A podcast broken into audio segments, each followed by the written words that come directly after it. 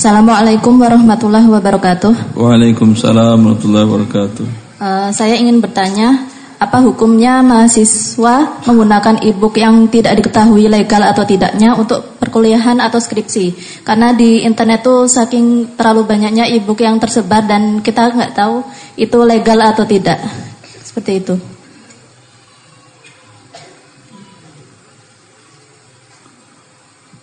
Wallah telah alam, setahu saya kalau yang legal ada biasanya dia lampirkan hukum asalnya e-book itu kan tidak legal. Ya atau tidak? Biasanya kalau yang legal ada pernyataan bahwa ini diizinkan oleh pemiliknya dan ada tanda tangan atau cap atau segala macam dari pemilik hak. Iya atau tidak? Iya. Maka hukum asalnya tidak boleh selagi tidak ada pernyataan itu ya tidak boleh anda ambil buku itu.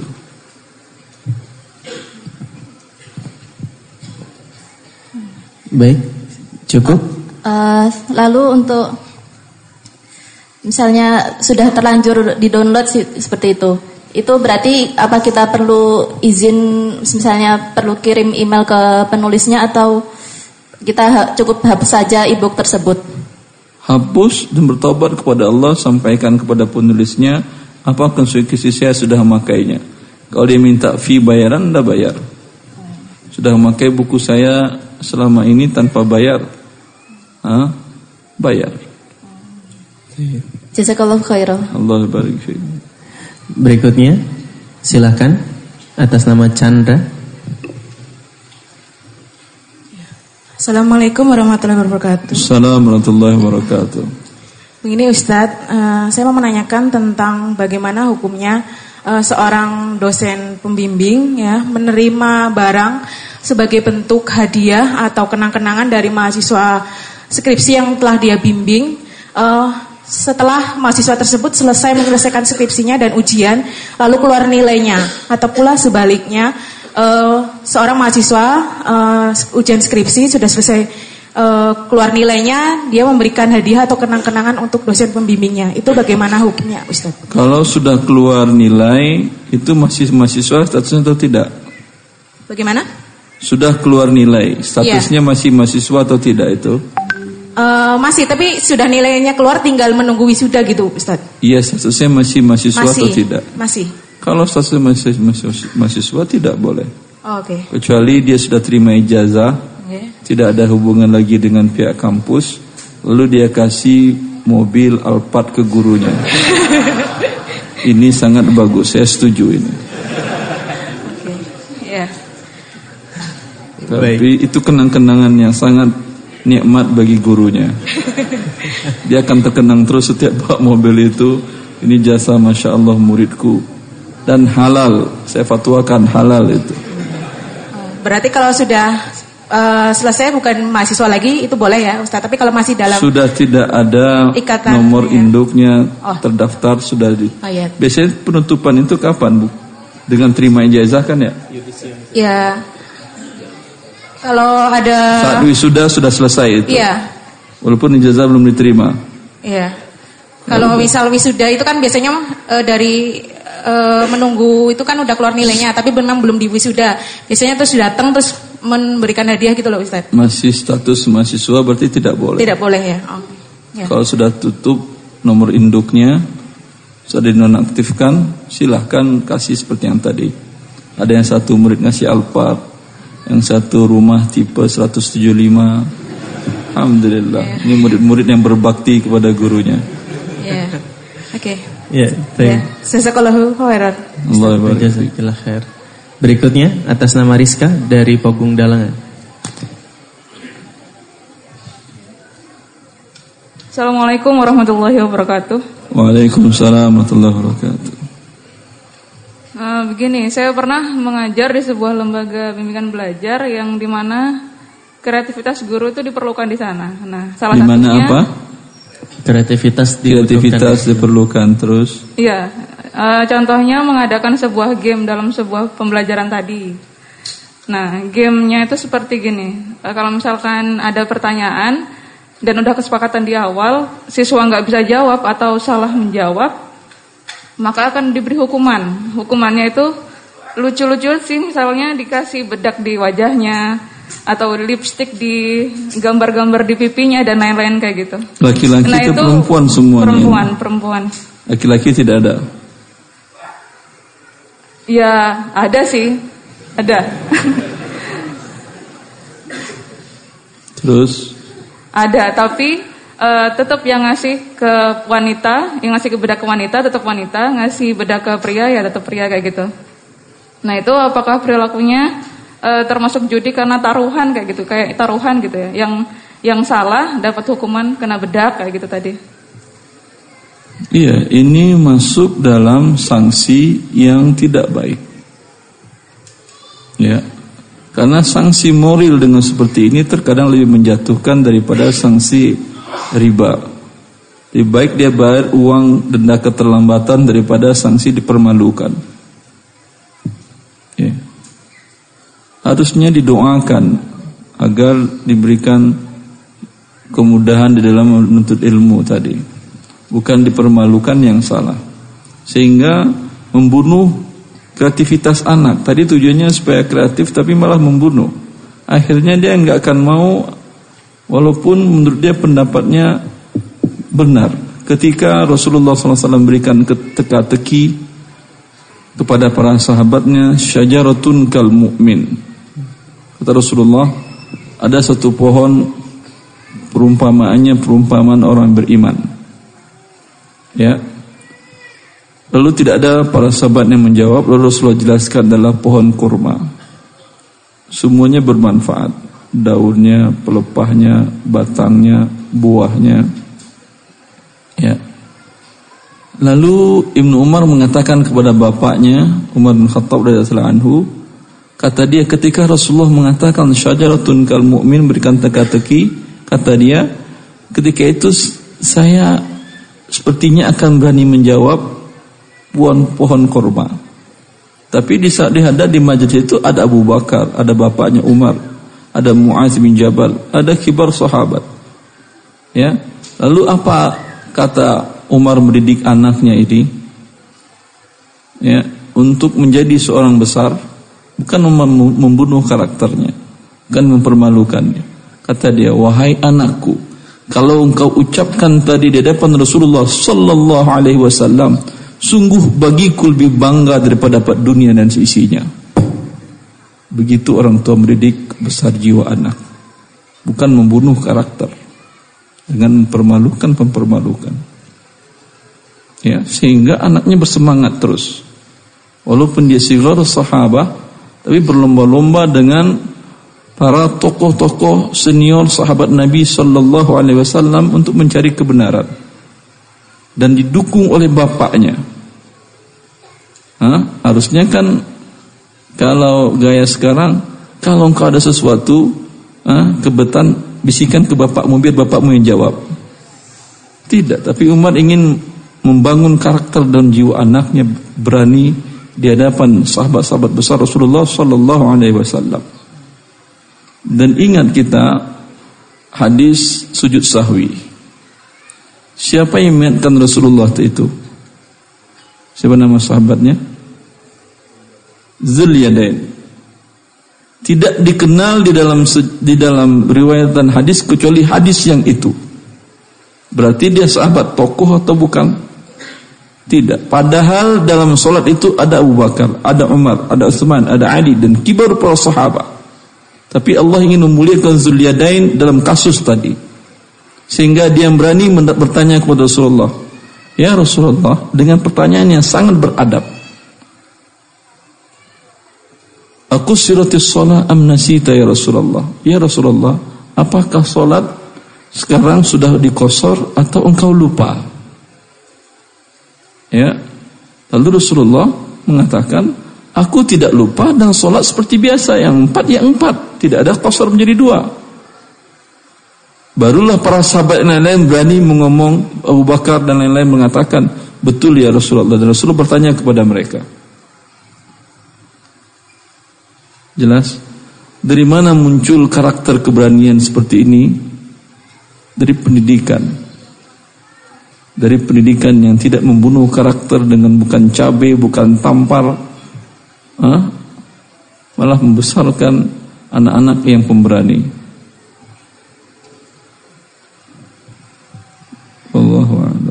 Baik, berikutnya pertanyaan dari Ummu Maryam, silahkan.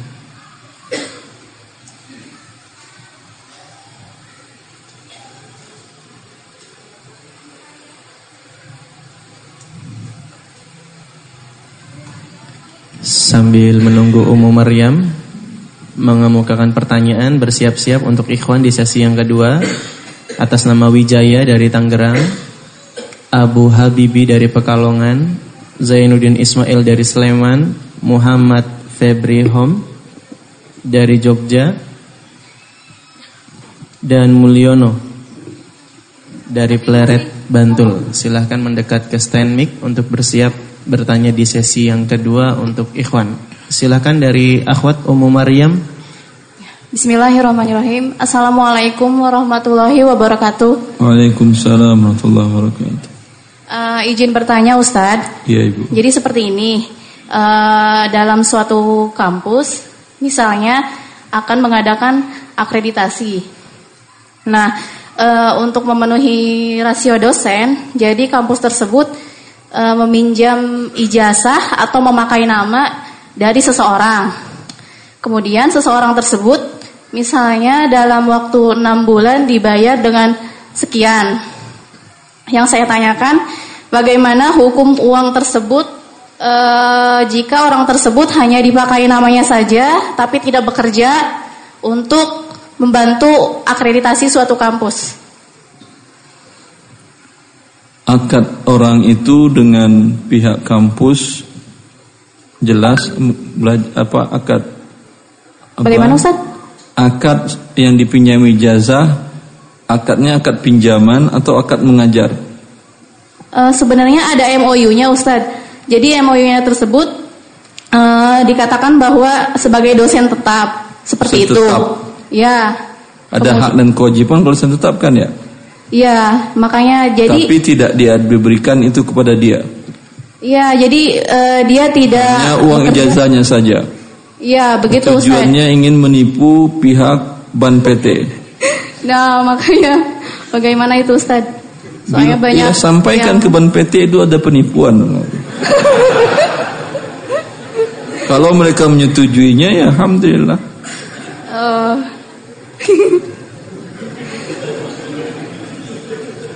Ikhwani akhwati Islam tidak pernah membenarkan berbohong. Rasulullah sering mengingatkan Iyakum wal kadhib. Hindarilah berdusta hindarilah berdusta. Dan orang yang berbohong masuk dari bagian orang yang munafik. Ya. Maka agama ini agama yang mulia. Maka jangan dipenuhi hidup kita dengan bohong. Bahkan Ka'ab bin Malik. Beliau mengatakan kalau saya ber, ber, menyebutkan argumen kepada Rasulullah insya Allah bisa akan tetapi semenjak beriman aku tidak pernah berbohong. Dan di masa jahiliyah pun aku tidak pernah berbohong. Walaupun konsekuensinya dia tahu Dengan jujurnya dia tidak ikut perang tabuk Dan tidak ada alasan Itu sanksinya yakin berat Tapi dia siap menerimanya Karena tidak mau berbohong. Begini kaum muslimin. Bukan dengan berbohong apalagi ini dunia pendidikan. Bila pihak penyelenggara pendidikannya adalah para pembohong akan muncul anak-anak mahasiswa-mahasiswa tamatan alumninya yang para pembohong semuanya. Ketika mereka memiliki jabatan di negara ini lahirlah kebohongan-kebohongan dalam perbuatannya kenapa karena mereka dididik oleh lembaga dan pihak-pihak para pembohong. Maka andil mereka menyebabkan negara ini mengeluarkan dan jumlah koruptornya tertinggi itu adalah andil dari pihak para pengelola pendidikan. Di negara di daerah yang sangat menjunjung tinggi sifat kejujuran, biasanya tingkat korupsi bisa diminimalkan. Maka jangan kita masuk bagian dari ini. Jadi sebuah kejahatan yang turun temurun merusak masyarakat. Dosanya bukan gampang. Yang membentuk karakter para murid-murid para pembohong. Baik. Baik. Jazakallah khair Ustaz. Uh, Ustaz mohon izin uh, satu pertanyaan lagi. Tapi tidak lama ya, Um ya. Iya. Silahkan. Uh, ber masih berkaitan uh, jika dosen tetap uh, kemudian tugas belajar, jadi sedang melanjutkan studi, tapi masih mendapatkan gaji pokok dari uh, suatu kampus itu bagaimana Ustadz? Tapi statusnya dia sudah, maksudnya sedang menempuh studi, tapi tetap mendapatkan gaji pokok. Statusnya masih terikat sebagai dosen tetap. Iya. Tapi dimaafkan dia tidak mengajar. Iya, karena sedang tugas Ini, belajar. sebentar, ini kampusnya negeri atau swasta? Swasta Ustadz. Ah, kalau swasta tergantung pihak yayasan kan ya. Iya. Kalau pihak yayasannya membuat akad seperti itu, mengetahuinya dan membolehkannya, aku masalahnya mubah. Oh, kalau dalam negeri gimana? Kalau pegawai negeri bagaimana? Gaji pegawainya tetap jalan dan dia tugas belajar seperti itu atau tidak? Hah? Iya. Berarti di swasta nggak ada masalah. Baik. Oh ya. Jazakallahu khairan Ustadz. Allah barik fiik. Terakhir di sesi satu untuk akhwat atas nama Syifa, silahkan.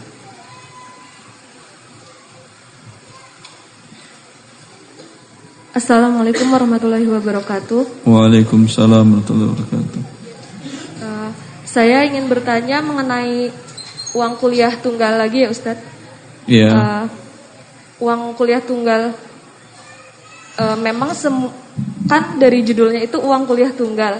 Berarti kalau menurut kayak akadnya gitu sudah tidak dipungut biaya apa pun selain selain biaya yang telah kita berikan ke universitas saat di awal semester. Tapi pada kenyataannya e, untuk beberapa ada program studi yang masih menarik dana untuk kuliah lapangan gitu Ustadz. E, kalau seperti itu bagaimana ya Ustadz? Tapi e, kuliah lapangan ini tuh masuk dalam sistem kredit semester di program studi geofisika kayak gitu. Wallah telah alam berarti nggak tunggal ganda. Iya. Jadi Jadi bilang ke dia ini ganda, ya udah mau ganda, mau apa, mau double, mau uh, three in one atau apa, yang penting bayar. Ya udah bayar aja. jadi eh, kita sebagai mahasiswa misalnya geofisika apakah eh, patut untuk misalnya menuntut atau membicarakan kepada pihak universitas bahwa sebaiknya tidak ada pungutan biaya untuk kuliah lapangan atau biaya kuliah tunggal itu sebaiknya dinaikkan atau diganti nama kayak gitu Ustadz. Sebaiknya dimasukin naik biaya kuliah tunggal tadi dan dimasukin karena ini ada pilihan nggak boleh ikut boleh tidak. Hah? Kalau ini wajib untuk Kalau wajib dia kan bagian dari pendidikan harusnya sudah masuk. Kecuali ada pilihan, ada yang mau ikut, ada yang mau tidak. Itu bisa diminta di luar itu. Bagi yang mau silakan, bagi yang tidak tidak ada masalah. Oke. Oke. Untuk masalah yang uang kuliah tunggal mungkin ya sudah cukup Ustadz. Lalu untuk pertanyaan kedua itu bagaimana jika laporan pertanggungjawaban acara suatu acara di kampus itu tidak sesuai real di pemakaian di pemakaian secara nyatanya. Hal itu terjadi karena dari pihak fakultas menyarankan untuk laporan pertanggungjawaban sebaiknya rinciannya itu sama seperti yang dirancangkan seperti itu Ustaz. Bohong berarti. Iya, di di laporan pertanggungjawaban itu tidak sesuai dengan Berarti pertanggungjawabannya bukan bertanggung jawab. Ya. Iya atau tidak? Dia mau bertanggung jawab tapi dia berbohong. Tanggung jawab namanya itu. I, ya sebenarnya kalau misalnya dari urusan uh, penggunaannya pihak fakultas itu sudah mengetahui pemakaiannya itu untuk ini dan ini ini kayak gitu. Tapi secara administratif tidak boleh untuk dicantumkan di LPJ gitu Ustadz. Jadi bingung juga. Untuk Kalau bingung jangan ambil risiko. Oh gitu. Iya. Ya iya. Siapa yang nyuruh? Ada dipaksa anda untuk melakukan acara itu? Ya. Tidak ada kan ya? Tidak ada. Udah jangan ikut-ikutan. Ya, Daripada jadi bingung. Ya. Anda mau jujur tidak bisa. Harus disuruh berbohong. Lebih baik tidak ikut. Tidak berbohong dan tidak berdosa. Ini Anda sudah lelah, tidak dapat imbalan apa pun juga, malah dapat dosa kalau disuruh berbohong. Ya. Kalau misalnya hal itu sudah terjadi seperti itu, sebaiknya apa yang harus Anda lakukan gitu Ustaz? Bertobat kepada Allah Azza wa Jal dan sampaikan bahwa fulan-fulan adalah pemaksa orang untuk berbohong.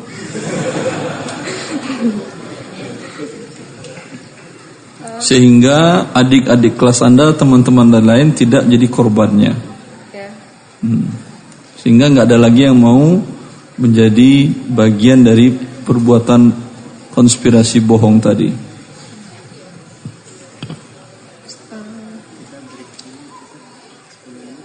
boleh apa boleh menanyakan satu pertanyaan lagi?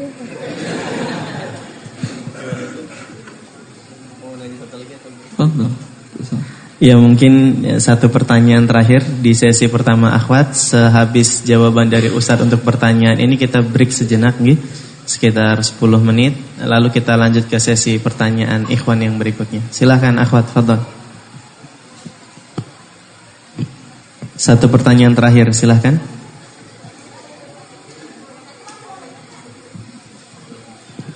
Tidak jadi ya Baik kalau begitu kita jeda. Sebentar saya berikan tanggapan. Assalamualaikum. Sebentar. Uh, ini intinya bahwa kita di negara ini kita muslim. Tapi kita terbiasa berbohong. Baik tataran orang terdidik apalagi orang tidak terdidik. Ya, kalau saya tadi mengatakan tentang Ka'b bin Malik di waktu dia kafir pun dia tidak pernah berbohong. Abu Sufyan ketika dia ditanya oleh Kaisar Hirakal penguasa Imperium Romawi tentang nabi yang diutus di negeri mereka. Hah? Apa yang dia jawab? Dia jawab jujur. Iya atau tidak? Padahal dia diminta persaksian oleh orang terbesar dan akan merugikan dia sendiri dan kaumnya sendiri. Kalau orang kafir, musyrik, tapi mereka punya sifat tidak berani berbohong. Ya, kita yang mengaku muslim, syahadat, dan kita yakin Allah mengetahui setiap apa yang kita ucapkan dan kita lakukan. Tapi kenapa kita terdidik terbiasa berbohong? Mungkin seperti tadi, karena terdidik dari kecil ketika Anda tidak berbohong dapat sanksi, dipukul. Ketika Anda berbohong selamat dari risiko. Terdidiklah anak tadi menjadi pembohong. Ketika anak jujur menyampaikan apa adanya, ketika ditanya oleh bapaknya, "Kenapa adikmu nangis?" Ya, dia sampaikan apa adanya. Bapaknya malah marah gara-gara kau anak tidak terdidik dipukul anaknya tadi. Ya, dia sudah berjujur harusnya dipuji. Masya Allah, anak Abi jujur, tapi jangan lakuin lagi ya nak ya. Nanti adikmu sakit. Bapak kita suka susah semuanya. Ya. Tetapi setiap anak jujur dan diberikan sanksi sebaliknya dengan sanksi pukulan dan lain-lain atau dengan sanksi moral dimarah-marahin ya sehingga menyebabkan dia menjadi seorang pembohong. Siapa yang mendidik mereka jadi pembohong? Orang tua dan guru-gurunya. Ya. Maka memberikan sanksi yang keras di sebagian lembaga pendidikan di pesantren itu bukan selamanya adalah solusi mendidik anak disiplin. Yang terjadi adalah mendidik mereka takut kepada manusia, bukan takut kepada Allah. Tapi yang diajarkan Rasulullah SAW tadi, bagaimana mendidik anak-anak, mendidik orang dididik dengan takut kepada Allah, bukan kepada manusia. Sehingga muncul generasi yang menjadi yang membawa kebahagiaan kepada manusia di dunia sebelum di akhirat. Break sampai sholat zuhur gitu. Baik, nanti mungkin akhwat yang ingin bertanya tadi disambung di sesi yang kedua untuk pertanyaan akhwat ya. Insya Allah sekarang kita istirahat sejenak, jeda kurang lebih sekitar 10 menit dan 7 menit aja. 7 menit aja Ustaz ya. 7 menit saja. Dan penanya di sesi kedua Ikhwan harap bersiap-siap langsung duduk di stand mic nanti insya Allah di sesi berikutnya kita akan lanjutkan kembali tanya jawab bersama Ustadz Dr. Erwan Ditarmizah Taala dengan tema halal haram dunia pendidikan. Kita akhiri sejenak. Assalamualaikum warahmatullahi wabarakatuh. Assalamualaikum Assalamualaikum warahmatullahi wabarakatuh. Assalamualaikum Alhamdulillahirrahmanirrahim. Ada empat pertanyaan. Yang pertama, saya pernah mengelola sekolah. Afwan Pak, uh, nama nama Triwahyono. Terima. Dari Sleman. Ya. Jadi pernah mengelola sekolah. Dana yang kita gunakan salah satunya adalah dana bos. Kalau kita belanja barang, misalnya sekolah beli komputer, maka kita harus mengeluarkan uang dari dana bos itu seharga komputer ditambah dengan PPN, pajak tambah nilai yang ditentukan oleh pemerintah. Nah, bagaimana hukumnya itu? Karena misalnya harga komputer itu 5 juta, maka kita harus meng kan itu 5 juta ditambah 11,5 persen dari 5 juta itu. Ini pertanyaan yang pertama. Alhamdulillah, wassalatu wassalamu ala alihi wa sahbihi wa man wa ba'du. Yang kedua, enggak sebentar Bapak. Iya. PPN tadi itu dalam dana bos memang boleh dimasukkan. Boleh. Hah? Aturannya memang seperti itu. Jadi ya kalau kita masukin bulan, aja. Jadi nggak apa-apa gitu ya Pak. Uh, yang tidak boleh dalam dalam pajak menarik. Kalau membayar gak ada masalah. Hmm. Yang menarik yang tidak boleh. Kalau membayar tidak berdosa. Oke. Okay. Yang kedua, kebetulan saya diajak beberapa teman mendirikan Yayasan Pendidikan Islam. Iya. Kemudian akhir-akhir ini kami tidak begitu aktif karena ada satu kebijakan dari teman-teman yayasan. Jadi kalau siswa baru itu dimulai pendaftaran bulan Januari dan Februari. Maret sudah ditentukan anak diterima. Kemudian bulan April siswa calon tadi sudah harus membayar lunas ada uang pembangunan gedung, uang pengembangan sekolah, dan lain-lainnya. Kami waktu itu tidak setuju. Mengapa siswa masuk jadi siswa itu bulan Juli, ini bulan April, Mei, Juni yang belum dicatat sebagai siswa, belum mendapat fasilitas apa pun, tetapi sudah harus membayar. Dan yang tidak bisa melunasi di bulan April, maka dinyatakan mengundurkan diri. Sehingga waktu itu kami tidak tidak setuju kelihatannya ini kok kurang seorang syar'i. Mohon penjelasannya apakah apa yang kami lakukan dengan tidak menyetujui ini menjadi benar. Ya Allah telah alam ya. Kenapa dia harus bayar lunas di bulan Mei tadi? Kaitannya mau Mei? membangun gedung dan sebagainya, Pak. Membangun gedung. Ya pakai uang sekolah anak-anak tadi. Iya. Berarti gedung milik anak-anak atau milik sekolah? Akhirnya menjadi milik yayasan waktu itu. Sehingga kami tidak menyetujui. Yayasan. Pak. Tapi yang bayar anak-anak, ya, nah. orang tuanya. Orang tuanya. Ya. ya.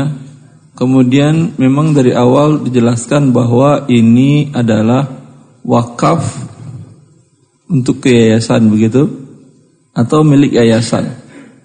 Wakaf untuk yayasan. Wakaf untuk yayasan. Tapi dibatasi. Wakaf kan tapi ini wakaf yang mengikat. Nah, mengikat. Kalau tidak berwakaf tidak diterima. Tidak diterima.